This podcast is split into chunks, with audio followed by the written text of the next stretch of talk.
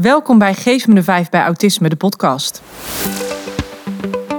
In deze podcast bespreek ik, Geef me de Vijf expert Sinta van Alen, met mijn collega Nienke de Bruin allerlei onderwerpen over autisme. We nemen je mee in de visie, kennis en aanpak van Geef me de Vijf, delen onze ervaringen, weerleggen vooroordelen en beantwoorden vragen van luisteraars. Vooraf altijd even onze belangrijke opmerking. Autisme uitzicht bij de ene persoon totaal anders dan bij de ander. Wij kunnen in deze podcast niet alles op maat maken, dus nuanceer vooral wat we zeggen en gebruik vooral alleen dat wat bij jou past. Jazeker. Welkom bij deze aflevering. De eerste aflevering die wij weer opnemen na de zomer. We hadden voor de zomer om die te overbruggen wat in het voren opgenomen. En uh, nou zitten we hier weer lekker live. Ik heb er weer zin in. Ik ook. Ik schrok alleen wel toen we binnenkwamen, want voor het eerst uh, staan er uh, zelfs drie camera's om ons heen. En voor het eerst zijn we dus ook te zien voor luisteraars. Dat is even wennen, maar ook wel heel gaaf. Want Ja. ik denk wel dat het, uh, het beeld nog een extra dimensie uh, eraan geeft. Nou ja, zeker. Ja, leuk. Goed zo. Um, ja, allereerst, ik wil toch even delen over vorige week. Um, want wij hebben hier intern een voorproefje gehad van de lezing Auticommunicatie verbindt. Dat is iets wat we eigenlijk nooit deden. We nou ja, gingen lezingen geven. Colette uh, maakte dat in de eentje. Ze zei, dit keer wil ik eigenlijk een voorproefje. Wil ik iedereen meenemen? Wil ik een try-out doen? En het was zo ontzettend gaaf. En de lezingen zijn altijd mooi, maar dit was, nou ja, zo nog iets anders. Zo nog meer bijzonder. Het, het, ja, ik, ik, Het heeft echt een andere lijn hè, dan wat mensen misschien gewend zijn dat ze eerder hebben gezien. Dat is het zeker. Je volgt ja. zeven mensen, zeven mensen met autisme die uh, op beeld en twee mensen komen ook mee naar het theater straks, uh, maar die vertellen over hun proces en dat delen ze. En juist doordat ze, doordat ze het zelf vertellen, ja, ik had zoveel respect voor deze mensen. Dat ze het vertelden, maar ook hoe ze het konden verwoorden. En ik zat daar met kippenvel. Er kwamen tranen van. Ja, het was een groep collega's, dus we hebben dagelijks hiermee van doen. Maar toch nog raakt het zo. Het, nou ja, goed. Ik, ik zou tegen iedereen willen zeggen, natuurlijk, kom kijken. We komen in heel Nederland langs met deze lezingen. En het is, het is echt heel bijzonder, omdat je heel veel herkent, heel veel respect krijgt, maar ook heel veel ervan leert. Het is denk ik heel mooi uh, dat mensen met en zonder autisme samen gaan, samen uit de omgeving dat die samen aanwezig zijn. Want uh, ja, dan ga je elkaar echt goed begrijpen, echt beter begrijpen. Ja, ik ben heel benieuwd. Ik moet wachten tot Meppel. Ja, klopt. Jij kon er niet bij zijn. Ik kon er niet bij zijn, nee. Dus, um... Nee, in Meppel mag jij mee, dan ga jij erbij zijn. Ja, dan ga ik er eindelijk bij zijn. Ja, superleuk. En vandaag gaan we het ook over iets heel bijzonders hebben, namelijk over zelfkennis. Ja, zelfkennis. Je kan het ook zelfinzicht noemen. Ja, zelfinzicht. Wij noemen het ook wel eigen ik hebben. Dus die, het woordje ik zal ook wel vaker aan bod komen, denk ik. Ja, dat denk ik ja. ook. Dan zeggen we tussendoor, zeggen we, oh, dan moet je even ik bouwen. Dat ja. is dan uh, de taal die ja. we gebruiken, klopt. En ik vind deze heel erg interessant, omdat als je kijkt naar de diagnostiek van autisme, zoals je ziet wat er in dat handboek voor de psychiatrie staat, de DSM, dan wordt eigenlijk het, uh, het moeite hebben met eigen ik, weinig eigen ik hebben, uh, moeite hebben met die zelfkennis, die wordt helemaal niet genoemd. Ja.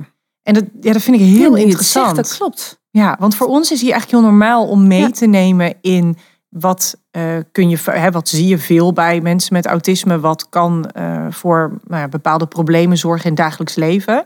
En dan zou die bij mij vrij snel omhoog komen als, oeh, die is belangrijk. Uh, maar hij wordt dus niet daadwerkelijk genoemd als onderdeel van nee. de officiële diagnose. Nee, tegelijkertijd is er gelukkig wel heel veel aandacht voor als je kijkt naar behandelingen en nou ja, methodieke interventies. ja. ja. Ja, want waar hebben we het natuurlijk eigenlijk over? Hè? Die is altijd fijn om even uit te pluizen. Dat stukje eigen ik, je zelfbeeld. Uh, dan hebben we het dus niet alleen over je zelfbeeld, dat dat positief of negatief kan zijn, of alles ertussenin. Maar dan hebben we het echt over wie ben ik, wat wil ik, wat vind ik, wat voel ik, um, wat is mijn lievelingseten, uh, waar ben ik goed in, wat vind ik moeilijker. Um, ja, het zijn niet alleen, het is deels natuurlijk ook de feiten over jezelf. Wat is je, je oogkleur en hoe lang ben je? Wat is je geboortedatum? Maar het zijn juist ook al die, uh, al die andere aspecten die horen bij een, ja, iemands eigen ik. -hmm, ja, klopt. Ja, je begon net met, um, het is niet positief of negatief. Nee, want dan heb je het eigenlijk al over een lading ervan. Maar het gaat in eerste instantie nog over waarmee is die informatie gevuld. Dus als je het hebt over jouw ik, daar hebben we hem, jouzelf dan gaat het over wat hoort daar eigenlijk allemaal bij. Ja. En inderdaad, dan heb je die feiten, uh, ook de ervaringen in je leven. Als jij tien keer verhuisd bent, dan hoort dat bij jou. Dan heeft dat invloed gehad op jouw leven. Het hoort bij jouw leven. En dus ja, bij de gevolgen, zeg maar. Ja. Ook kwaliteiten. Of je bepaalde leerpunten hebt. Bepaalde eigenschappen, dingen die je geoorven hebt van je ouders. Ja. Ja, het is een eh, ja. groot begrip. Ja. Het is wel goed om dat te beseffen, ook voor ons. Even kijken of we ook meerdere voorbeelden op meerdere lagen straks Mhm. eh, mee kunnen nemen. Ja, ik denk dat veel mensen wel herkennen, misschien van zichzelf of van de persoon in hun omgeving, dat het, het zelfbeeld eh, wellicht negatief is. Dat mensen het gevoel hebben dat, of dat mensen weinig eigenwaarde hebben, dat ze het gevoel hebben dat ze niks kunnen, dat ze niet, ehm, eh, ja, geen toegevoegde waarde hebben op iemands anders leven bijvoorbeeld of op hun eigen leven. Ehm, tegelijkertijd kun je ook mensen met autisme treffen die überhaupt weinig zelfbeeld hebben. Dus dan heb ik het niet over dat het een negatief zelfbeeld, zelfbeeld is, maar dan heb ik het echt over überhaupt niet weten wie ben ik, wat vind ik van deze situatie en wat wil ik. En dan gaan we dadelijk nog wel even over hebben, over dat dat best wel vergaande consequenties kan hebben. Ik heb overigens ook wel het, de andere kant weer meegemaakt bij mensen met autisme. Dat ze in ieder geval naar de buitenwereld toe een bijna ja, onevenredig positief zelfbeeld hebben. En wat ik daarmee bedoel is dat ik ook wel eens de verhalen hoor van mensen die zeggen: ja, mijn, ehm, mijn partner of mijn zoon die, eh, die praat eigenlijk veel te mooi over zichzelf. Die schept de hele dag op. Die zet zichzelf bijna op een voetstuk. Dan kun je je natuurlijk afvragen of iemand echt daadwerkelijk zo'n positief zelfbeeld heeft. Eh, maar dat is wat mensen aan de buitenkant zien. En dan kijken we in deze podcast in het begin altijd ook eventjes naar onszelf. Dus hoe zit het bij jou, Sinta, met jouw zelfbeeld en jouw zelfkennis? Ja, dat is best wel ook een grote vraag. Ja, ik, ik, ehm, wat ik weet van, van mijzelf is dat ik eh, eh, als tiener, zoals misschien wel meer tieners, echt vrij weinig zelfinzicht had. Ik wist wel ongeveer waar ik goed in was, maar dat ging dan over heel. eh, ook ben goed in, in wiskunde en ik ben niet zo goed in natuurkunde. Veel verder dan dat denk ik dat het ook niet ging. Ehm, en dat is een beetje, nou ik denk vooral na mijn studententijd, dat ik, dat ik toen er echt een beetje achter kwam van, oh, dit past echt bij mij en dit niet. En dat ik toen ook pas echt relaties kon gaan opbouwen op basis van, oh, deze persoon die, die matcht goed met mij. Het is natuurlijk ook op een gegeven moment makkelijker als je niet meer in een setting zit van een school met klasgenoten, waarbij je toch een soort van ja, gedwongen wordt om vijf dagen in de week bij elkaar te zitten. Ehm, ja, dan heb je natuurlijk iets meer voor het uitzoeken. Maar dat even voor mijn gevoel bij mij, ja, wat is lang, maar ik, ik wist in mijn tienertijd, in mijn studententijd echt nog niet goed. Ja, met welke mensen heb ik nou een, een, een klik en hoe kan dat eigenlijk? En dat het ook iets met mij te maken had, of het wel of niet lekker liep. Ja, dat is wel mooi, want je zegt, hè, is dat dan lang? Duurt dat dan lang? Maar ik denk, dit is ook weer typisch zoiets eh, waaraan je, je ontwikkelt dit vanuit dat je heel klein bent. Maar het blijft de rest van je leven doorgaan. En iedereen doet dit op een ander tempo, op zijn eigen manier. En ook in een, ja, een andere volgorde. Ja. Dus ja, lang of kort. Of, hè, het, is, het is denk ik wel fijn om een stevig zelfbeeld te hebben. Omdat je dan op een gegeven moment ook eh, ja, stevig staat. Ja. Tuurlijk, ja. Ja. En bij jou? Ja, ik, ehm, ik moest gelijk aan iets denken toen ik dit net even kort aan het voorbereiden was. En dat is, ik, ik was vroeger van mezelf heel blond. Echt, eh, in de zomer had ik bijna witte haren. Ja, klopt, ja. Ja, en de rest van de familie is allemaal donker. En, eh, Ja, allemaal, van jouw gezin, want van- ik was ja. ook Ja, jij was ook blond. blond. Maar van mijn gezin bedoel ik inderdaad. En die waren allemaal, hadden allemaal donkere haren. En ik weet nog, dan was ik dus de blonde. En dat is ook denk ik wat typerend aan het ontwikkelen van je zelfbeeld. Ja, je ga- gaat eerst kijken naar de mensen om je heen, naar je gezin. je broers en zussen en je ouders. En later, in je le- als je later eh, wat ouder wordt, ga je kijken naar de peers, naar je vrienden. En ga je daarmee vergelijken. Dus ja, wel heel logisch dat ik dan dus dat iets vond wat bij mij hoorde, wat ik heel sterk had, wat ik dus was. Het grappige is, op een gegeven moment ben ik mijn haar donker gaan verven. En ik ben nu aardig blond weer door de zomerzon. Maar goed, de kapper zit weer aan te komen. Dan de volgende keer ga ik weer iets donkerder zijn. Ehm, maar dat betekent dus dat ik heel lang, nou, de bovenkant van mijn haar was echt, echt donkerbruin. Maar dat ik mezelf nog steeds zag als blond. En dat is zoiets geks dat ik denk, oh ja, dat heeft dus bij mij in mijn jongere jaren zo vast aan mij gezeten. Ik ben blond, dat al jaren schilder ik mijn haar gewoon. Eh, Schilder, eh, verf. Nee, dat klinkt wel heel schattig dit. Verf ik mijn haar donker en toch blijft dat beeld nog. Ja. Grappig hè? Het is echt onlosmakelijk verbonden met hoe jij jezelf ziet ergens. Ja. Ja, ik herken dat eigenlijk alleen maar van zwanger zijn. dat ik mijn weerspiegeling dan zag toen ik hoogzwanger was in, de, in mijn eigen auto. En dat ik dan denk dacht, huh, wie is dat? Uh, omdat je natuurlijk, ja, je bent maar vrij kort hoogzwanger. Ja. Dus het is maar een korte tijd dat je uh, in één keer uh, zo'n buik voor je hebt die er eerder niet zat. Ja. Nou, en, en dat ook, kon ik ook niet aan wennen in die tijd. Ja, nee, heel herkenbaar deze. Want ook het beeld wat je dan hebt van mensen om je heen. Ik ben tijdens mijn zwangerschap best heel veel aangekomen. Mm. En dan mensen om mij heen vond ik zoveel slanker. Want dat vergelijk je ook weer met jezelf. Ja. En toen ik op een gegeven moment weer afviel, toen dacht ik, oh wacht even, dit was echt heel anders. Ja. ja. Ja, ja het, is, het is zowel uiterlijk als, uh, als innerlijk. En ik noemde natuurlijk al eventjes hoe dat ook zit in relaties met anderen. En dat is natuurlijk ook heel logisch, want op het moment dat jij van jezelf heel goed weet wie je bent en wat jij wil, wat jouw mening is, hoe je je over dingen voelt, dan doet dat natuurlijk iets in de relatie met een ander, in de relatie die je opbouwt. Kijk, kinderen die, die ontmoeten elkaar uh, in de buurt en die denken, oh jij bent ongeveer even oud, leuk, nu zijn wij vriendjes. Dat gaat makkelijk. Oh, dat gaat zo makkelijk. Ja, dat is voor heel veel volwassenen natuurlijk jaloersmakend hoe makkelijk dat gaat. Maar als volwassenen gaat dat veel bewuster, maar gaat het ook veel meer op, um, ja, hebben wij misschien wel interesses die overeenkomen of voel ik me prettig bij jou? Dus vind ik het leuk om meer tijd met jou te spenderen of niet? En dat doe je allemaal op basis van jouw eigen ik. Dus als jij weet wat jij leuk vindt om te doen, dan kun je ook mensen treffen die hun tijd op eenzelfde manier willen besteden. Als jij weet, hmm, altijd als ik bij die persoon uh, uh, thuis op de bank zit, dan voel ik me eigenlijk niet prettig. Dan kun je ook weten, nou misschien moet ik daar dus niet meer mee afspreken. Want ik voel me gewoon niet op mijn gemak bij die persoon. Dus hè, dan ga ik hier ook geen, geen tijd en energie meer insteken. Ja, mooi. Dat maar ja, dan moet je wel weten. Ja, dan moet je die weten. En dat is dus waarom het heel belangrijk is om te weten wie jij bent. Om die kennis van jezelf te hebben. En als we gaan kijken naar wat er nog meer redenen van zijn waarom het zo belangrijk is, dan is dat bijvoorbeeld ook dat je daarop heel goed keuzes kan maken. Hm. Dat je, uh, je, je hebt zoveel keuzes te maken op een dag sowieso. En als jij weet, dit is wie ik ben, dit is waar ik voor sta, dit zijn mijn normen, mijn waarden en dit is hoe ik me voel op een bepaald moment en wat ik denk en wat erbij hoort en wat ik dan wil. Het is heel veel. Maar als jij dat weet, dan kan jij dus op een gegeven moment ook zeggen, nou laat ik hem weer even klein maken. Uh, ik wil het liefst aardbeienijs. Ik weet nog wel, vroeger als wij bij de ijswinkel stonden, was er altijd één die niet kon kiezen. En de rest stond allemaal te wachten. En wij waren vaak met zeven of acht kinderen.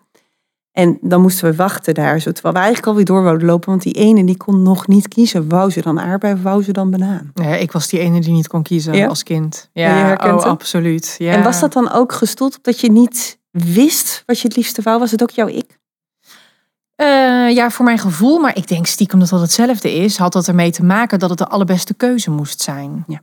Maar dat is natuurlijk deels wel hetzelfde. Want wat is dan de allerbeste keuze? Dat bedenk je zelf. Dus als ik dat als kind had kunnen bedenken, dan was het ook niet zo'n probleem geweest. Maar ik wilde alles uh, op alles zetten om te voorkomen dat als ik dan mijn ijsje had, dat ik dan naar een ander keek of nog weer een keer in die bakken keek en dacht, oh, ja, ik had toch die ander moeten kiezen. Ja.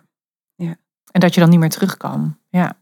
Ja, kiezen is echt een ding wat je ochtends op je brood doet, wat je aantrekt, maar ook welke opleiding je gaat doen, um, waar je gaat solliciteren, uh, een keuze in dus relaties opbouwen. Met wie ben ik, wil ik bevriend zijn? Uh, met wie wil ik misschien wel echt een, een romantische relatie opbouwen? of wil ik dat überhaupt niet? Stoppen? Ja, want Grenzen dan... aangeven binnen relaties. Ja, dan hebben we het over grenzen aangeven. Ja. ja. En die is natuurlijk ook, die is al moeilijk als je weet wat je wil. Maar die is nog moeilijker als je lastig je eigen grenzen aanvoelt. Ja, want eigenlijk geeft die kennis van wie jij bent en alles daaromheen geeft jou jouw ik-fundament. Daar hebben we toen in de aflevering basisfundament, aflevering 4, hebben we het al over gehad. Als jij je fundament van jouw ik hebt van wie jij bent, dan kan je daarop leunen en verder bouwen. En dan kan je daarop dus die keuzes maken en die relaties aangaan. Maar ook zeggen, ho, tot hier en niet verder. Ja. En het moment dat je dat niet weet, betekent dus dat je ja, in die onduidelijkheid zit. En dat kan bij zo'n ijsje zijn, maar het kan ook zijn als je net op een nieuwe baan komt en, en je mag in een voorstelrondje, mag jij even vertellen wie jij bent aan iedereen. En je denkt, help, en er is een andere nieuwe collega en die heeft net verteld, dit is waar ik woon en dit is uh, met wie ik getrouwd ben, maar dit zijn ook mijn hobby's en dit is wat ik uh, graag doe. En jij denkt, help, ik weet het gewoon niet. En we hadden het net over kinderen, maar dit gebeurt dus ook bij volwassenen nog steeds, dat, ze het echt, mm. dat je het echt niet weet. Ja. En dat is niet gek. Dat is bij autisme niet gek. Nee, dus als je het hebt over iemand met autisme, wat je ziet op momenten dat er ehm, nou ja, weinig eigen ik is of een, minder ontwikkeld zelfbeeld of minder zelfkennis, dan zie je dus vooral uh, moeite met, met kiezen, met beslissingen maken. Dan kun je zien uh, moeite met aangeven waar ben ik goed in of wat vind ik moeilijk. Dan kun je zien moeite met grenzen aangeven. Dus dan zie je bijvoorbeeld dat uh, iemand keer op keer de grenzen overgaat of andere mensen hun grenzen over laat gaan. En dat je dat als, als buitenstaander wel ziet, maar dat iemand zelf um, zich misschien wel er heel rot door voelt, maar het ook niet aangeeft. Dus dat kun je zien. Um, je kunt ook zien, even kijken wat mis ik nou nog. Ja, moeite dus met, met relaties aangaan, omdat mhm. iemand niet zo goed weet hè, waar, waar, ja, waar sta ik ten opzichte van de ander? Of is dit iemand met wie ik wel graag tijd spendeer of niet? Mm dus dat zijn allemaal dingen die erbij kunnen komen kijken. En dat is ja, zeker als volwassene is dat ontzettend lastig. Want als kind heb je wat we net al zeiden, dat ja, je gaat eh, naar de camping toe en dan komt een leeftijdsgenootje op je af en die zegt, zullen we vriendjes zijn? En je zegt ja. Ja, als volwassene gaat het niet meer op die manier. En dan wordt er ook een ontzettende mate van zelfstandigheid van je verwacht. Dan moet je zelf ochtends bedenken wat je op je brood doet om mee te nemen. En dan moet je als je op een nieuwe baan begint een eigen voorstelpraatje schrijven uh, voor op de website of uh, voor op het, het, interne communicatiesysteem en daarin wat vertellen over jezelf. Ja. ja. Ja, en die ik is zo belangrijk voor het vervolg. En dat is het aangaan van die sociale contacten. En dat is ook, um, veel mensen zullen de term theory of mind wel kennen. Ja. Theory of mind heeft drie onderdelen eigenlijk, waarvan de eerste die zelfkennis is, waar deze aflevering over gaat. Maar het vervolg is, als jij die kennis van jezelf hebt, is de vervolgstap dat je ook je kan inleven in die ander. Dat je ook kan gaan leren wat de ander vindt en denkt en voelt. En stap drie, en dat is dan Tom drie, Theory of Mind 3, dat is dat je dan ook weer daar rekening mee kan gaan houden en kan gaan begrijpen wat ik doe, wat voor invloed heeft dat op die ander. Ja. En dus dit is de basis. Precies, ja. Ik moet denken aan een, aan een moeder die toen zei, um, mijn kind zit net op school en dan kom ik dat plein op en dan denk ik, ja, hoor ik dan bij die andere moeders te gaan staan? Is dit wat, wat, wat de regel is? Is dit wat zij willen? Maar uiteindelijk ging ik met haar terug, ging kijken, wat wil jij daarin eigenlijk? En daar had ze geen idee van. Ze wist niet wat zij daarin wou, of ze het überhaupt erbij wou staan of niet. Ja. En die is dan complex. Want waar ga je dan een stap in nemen? Wat ga je dan doen? Ja, ja dus is die theory of mind, die eerste, die Tom 1, hoe we het ook wel zeggen, die kan daarvan invloed op zijn. Het kan ook zijn dat die er wel is, maar dat het zit op het sociale stuk. Dus wat verwacht de ander, wat is gepast in deze situatie? Nou, daar gaan we het een andere keer echt nog wel uitgebreid natuurlijk over hebben, over dat sociale. Ja, zeker. Ja. ja. als we naar dat ik gaan, is het misschien wel interessant om nog even te noemen uh, wat er dan gebeurt in dat brein, waardoor dat zo ontstaat. Waarom zie je nou bij veel mensen met autisme dat ze daar moeite mee hebben? Ook met het, het eigen gevoel, hè? Wat, wat voel ik ergens bij? Um, terwijl we dat bijvoorbeeld dus weer niet in zo'n psychiatrisch handboek uh, zien staan. Nou ja, die laatste vraag kan ik trouwens niet eens beantwoorden, want ik heb niet in een commissie gezeten die de CSM vormgeeft. Daar moeten we bij andere mensen voor zijn. Maar ik kan wel wat zeggen over wat er dan in dat brein gebeurt. We hebben natuurlijk al eerder besproken dat iemand met autisme um, gefragmenteerd de informatie verwerkt. Er zijn heel veel kleine details, daardoor ook goed is met die details. Maar wat je daardoor ook ziet, is dat soms het grotere geheel mist en dat de context mist. En om daar een voorbeeld aan te geven, stel jij bent als kind de hele dag met Lego aan het bouwen. En vader en moeder die lopen langs en die zeggen om de havenklap tegen jou: Oh, wat doe je dat toch mooi? Wat knap, wat goed.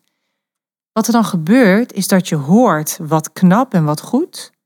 Maar het wordt niet gekoppeld aan dat het, het met de Lego bouwen is waar jij dan zo goed in bent. Of nog gedetailleerder, wat doe jij dan met die Lego waar jij dan zo goed in bent?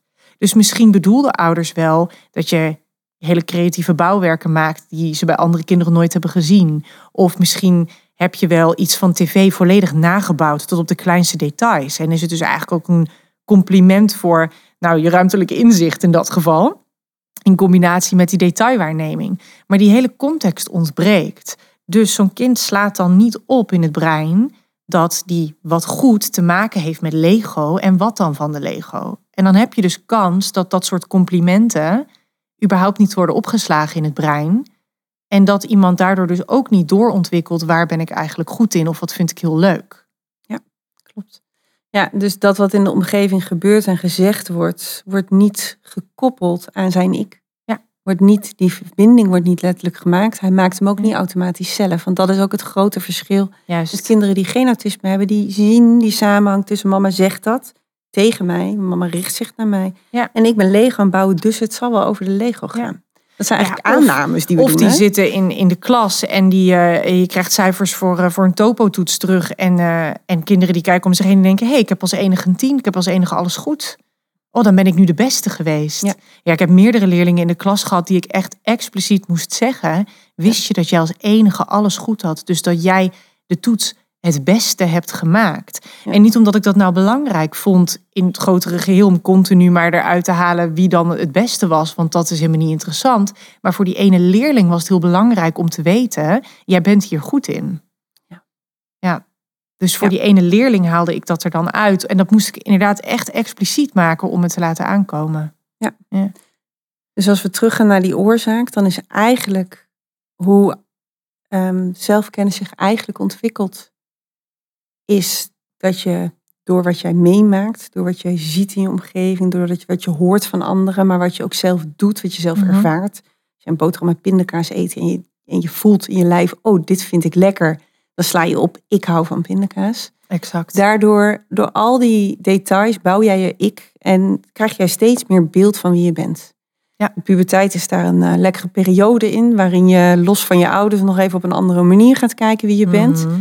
Kan voor mensen met autisme extra heftig zijn, die periode. Het kan ook lang duren. Ja. Sommige mensen denken die puberteit is met 18 open- over, maar vaak gaat het toch wel eh, tot midden 20, eh, gaat die identiteitszoektocht echt door.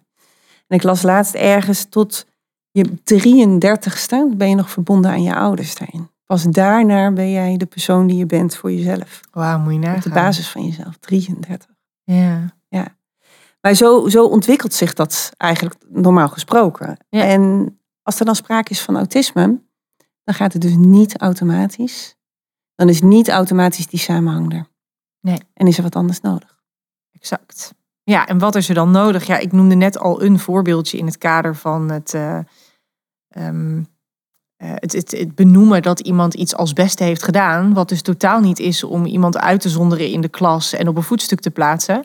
Maar wat ik daar eigenlijk deed, was het ondertitelen van iets wat ehm, sommige andere kinderen wellicht vanuit zichzelf oppikken. En dan dus de conclusie trekken, hé, hey, ik ben ontzettend goed in rekenen. Maar wat ik bij deze leerlingen met autisme echt expliciet moest benoemen, oftewel ondertitelen, om ervoor te zorgen dat dus die context helder wordt en dat het echt wordt opgeslagen in het hoofd, zodat ze gaan bouwen aan, hey, wat zijn mijn talenten, maar natuurlijk ook, wat vind ik lastig, wat vind ik vervelend, eh, waar word ik blij van. Ja, dus ondertitelen, ja, heb je nog een goed voorbeeld van ik ondertitelen? Ja, zeker. Ik, ik, ik kan er wel honderd bedenken. Hm. Ehm, ik, ik had in mijn hoofd nog een andere zin, dus ik moet nu schrijven.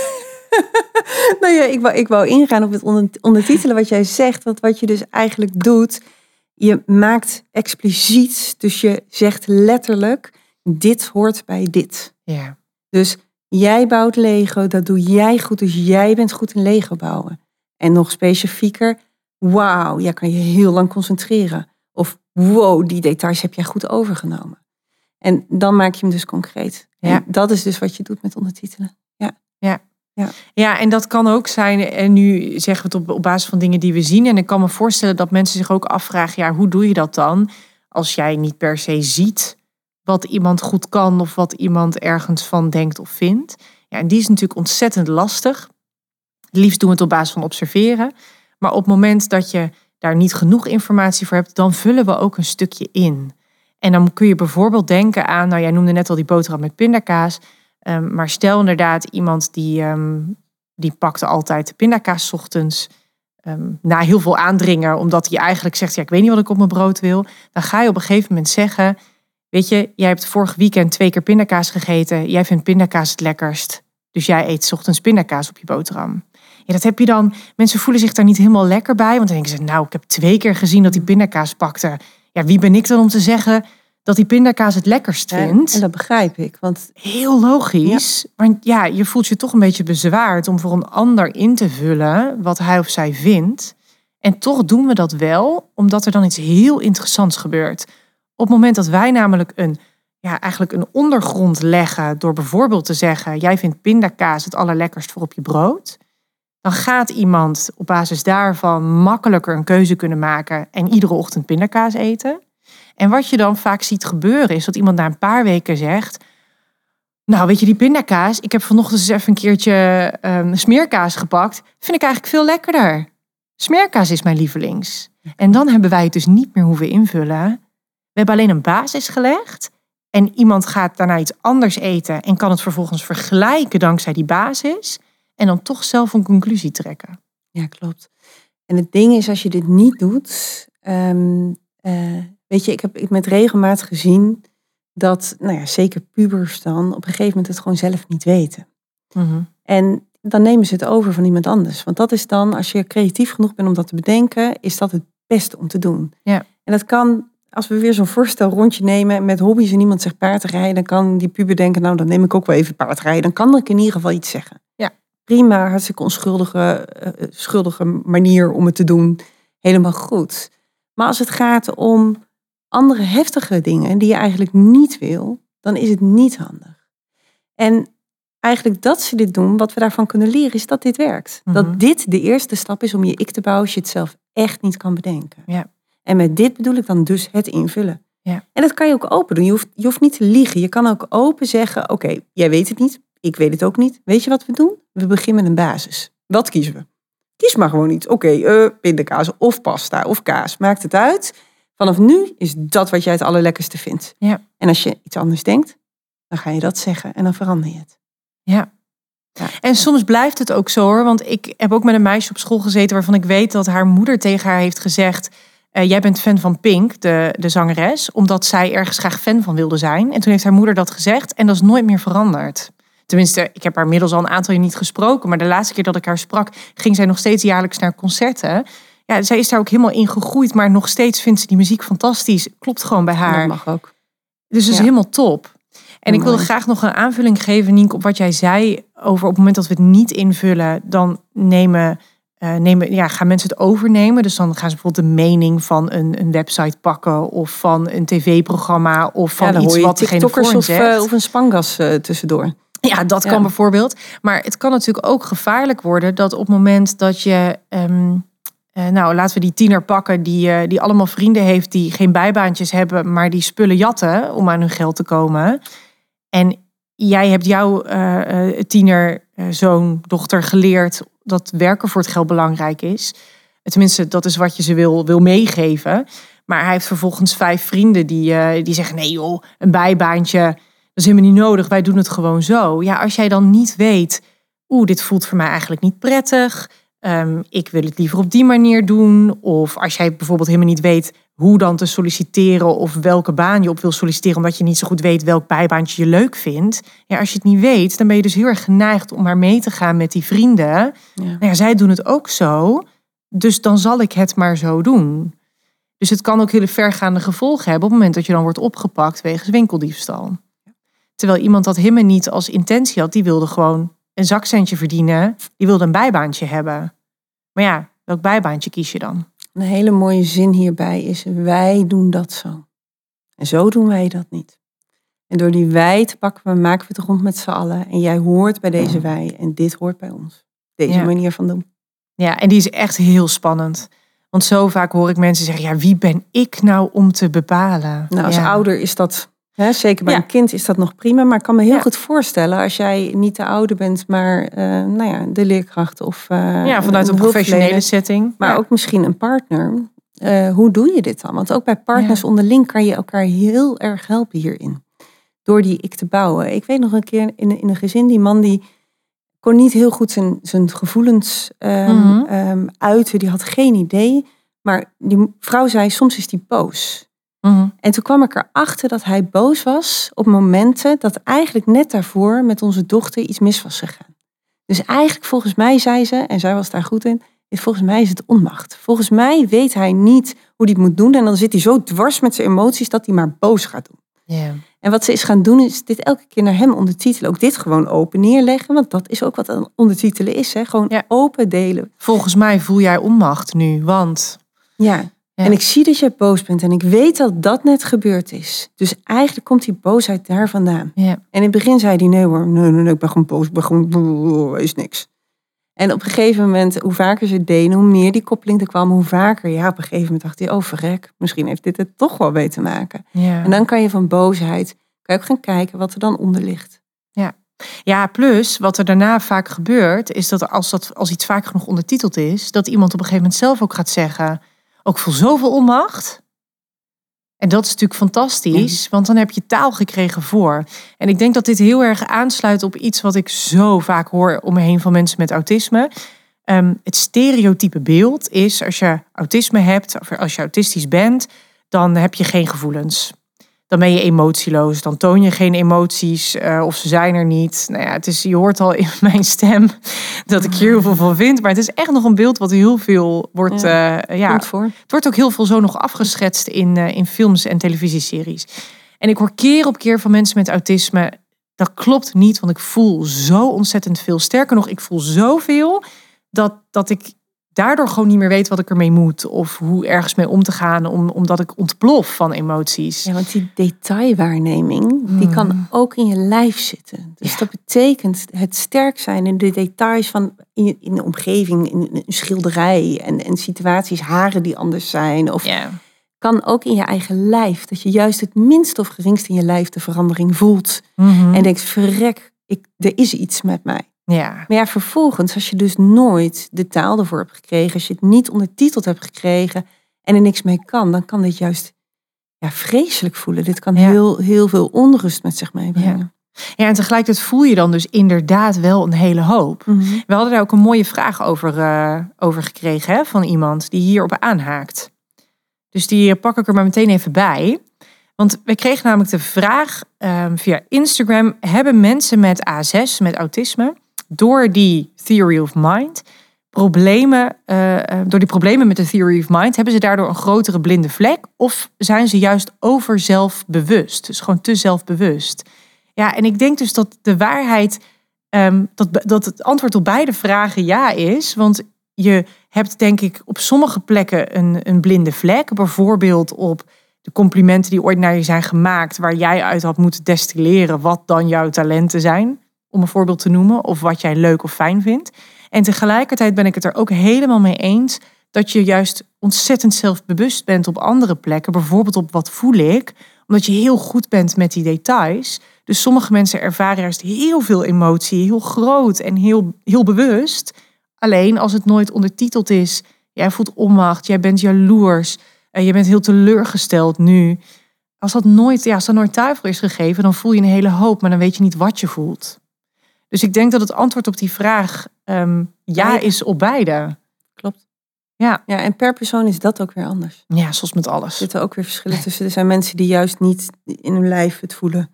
eh, of weinig. En, en Ja. eh, nou, ook heel neutraal en heel, Ja. heel steady daardoor ook zijn. Ja. En er zijn ook uh, nou, veelal vrouwen met autisme die juist, niet alleen vrouwen, hè, maar veel vrouwen die, die juist al die details voelen, al die emoties. Ja. Ja, al die onderdelen. Nou, we Ja. maken niet voor niks een opmerking altijd aan het begin van onze aflevering. Eh, omdat het inderdaad voor iedereen natuurlijk anders is. Ja. Ja. die herhalen we elke keer ons we hem heel Mm. belangrijk vinden. Ja. Maar ik vond Ja, het een mooie zeker. vraag. Omdat er gewoon, die vraag, er is goed over nagedacht. Ja, en nou we toch al bij de luisteraarsvragen zijn, wil ik er toch nog even eentje noemen. Want er kwam ook een luisteraar die zei, eh, volgens mij kwam die eh, bi- binnen via de mail. Die zei, ik ben op latere leeftijd gediagnosticeerd. En eh, ik merk dat die ik bij mij niet zo gebouwd is. Dit waren niet haar exacte woorden hoor. Ik heb hem niet bij me, dus eh, excuseer me. Maar de, de kern begrijp ik nog. Want haar vraag was, kan ik het dan nu nog bouwen en hoe kan ik dat doen? En als antwoord daarop wil ik geven, ja zeker. De rest van je leven kan je daar nog aan bouwen. En wat we nog niet genoemd hebben, maar wel zo is, is dat je het ook zelf kan.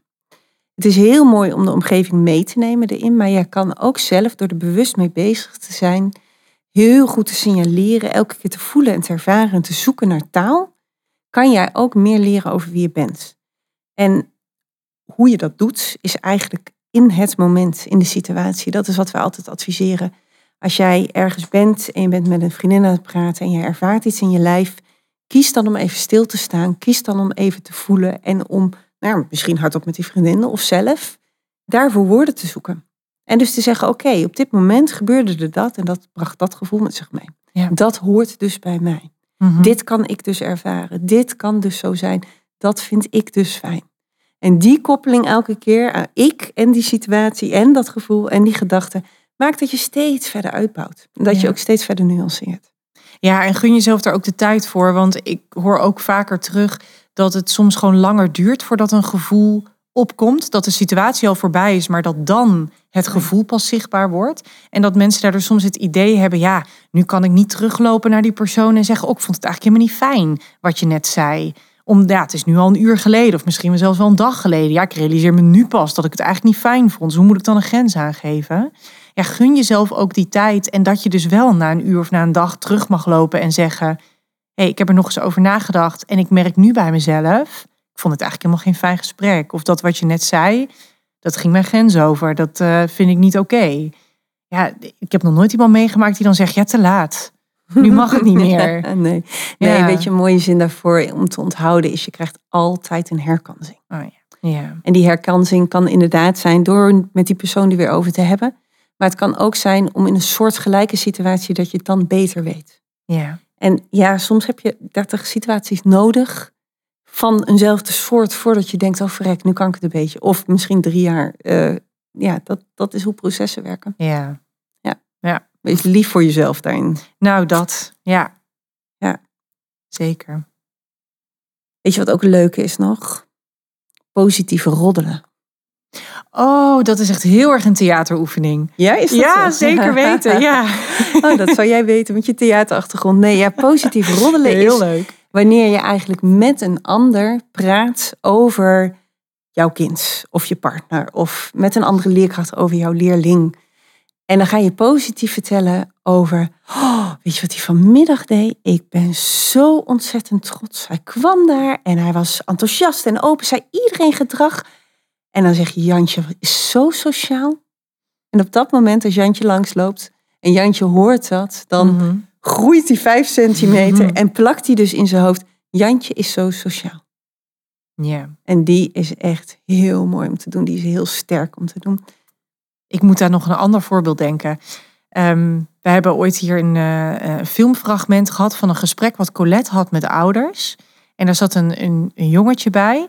En Colette is, is in gesprek met die ouders en die, eh, die geeft een compliment. En daarbij kijkt ze ook het jongetje aan over iets wat hij heel goed kan. Volgens mij dat hij heeft geleerd om te wachten. Dat hij dus in zo'n gesprek, hij wil iets zeggen, maar dan wacht hij even totdat er een ingang is. En dat vond Colette heel knap. En dat zegt ze dan ook. En dat, dat jongetje knikt, hij hoort het. En dan is het even stil en dan zegt Colette, dat is een compliment. En dan stijgt het jongetje op letterlijk. Hij komt omhoog van trots. Hij heeft pas door dat het een compliment is op het moment dat Colette concreet zegt, dat is een compliment. Mooi. En dat vind ik ook zo'n duidelijk voorbeeld van hoe je iets, je, je kunt iemand aankijken en het zeggen, maar dat wil niet zeggen dat het op dat moment ook binnenkomt zoals je het hebt bedoeld. Ik vind het heel fijn dat je deze nog noemt. Want je gaat een stapje verder eigenlijk nog even. En deze is wel essentieel. Want het kan dus zijn dat je dit nog niet weet. Mhm. Dat deze nog niet gelijmd is. En door dat ehm, te lijmen. En eigenlijk is er nog een vervolgstap. Door te zeggen, dit is een compliment. En ik ga jou leren hoe alle complimenten eruit zien. Kunnen we hem ook gaan generaliseren. Dus een compliment kan in die vorm komen. En met dat zinnetje komen en op die manier. Ja. Ja, want dan ga je ook bouwen aan de basis. En dan kunnen we zelf gaan herkennen. Ja, en voor mensen thuis, als je dus wil gaan ik bouwen in jouw omgeving naast het ondertitelen, denk dan dus ook aan dat je ehm, eerst iemands naam noemt voordat je het stukje ondertitelt. Zodat diegene al weet, oh het gaat over mij, want je hebt die naam al genoemd. En je kunt eventueel ook toevoegen, eh, daar ben jij dus goed in. Of dat hoort bij jou. Of dat hoort bij ons. Jij zei ook al helemaal, wij doen het allemaal Vanaf zo. nu weet jij, Ja, ik ben goed in. Of ik Ja. houd van. En dat weet je voor altijd. Ja. ja. Ja. En wat betreft dat generaliseren kan je hem ook nog naar verschillende situaties doen. dit kun jij nu altijd, overal en bij iedereen. Ja. Precies. Mooi. Zeker. Wat al tien keer in mijn hoofd langskomt, maar wat ik elke keer nog niet noem, is natuurlijk het bekende maken van een ik-boek. Inderdaad, die is er nog helemaal niet langsgekomen. Die is niet langsgekomen. Dat is een hele praktische manier die mensen op allerlei soorten en manieren doen. Ik posteren, ik filmen, ik boeken, ik dagboeken. Mhm. Maakt het uit. Maar dat zijn vormen. Kijk, visualiseren, daar houden we van. Dat, dat, dat weet iedereen ondertussen. Eh, en door het op papier te zetten, of dus op camera, in ieder geval op beeld, eh, ja, blijft het beter hangen. Ja. Onthoud je het beter.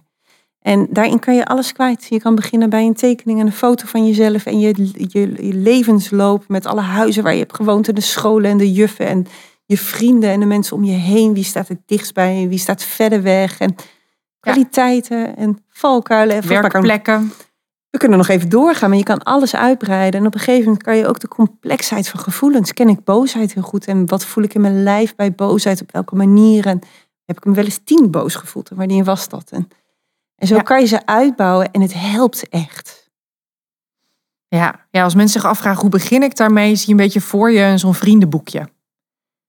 Waarin wat feitelijke informatie, eh, weet je, dat zet je dan voor een ander, vul je dan zo'n bladzijde in. En dat begint dan gewoon met wat is je naam en wat is je geboortedatum. En misschien je adres of zo.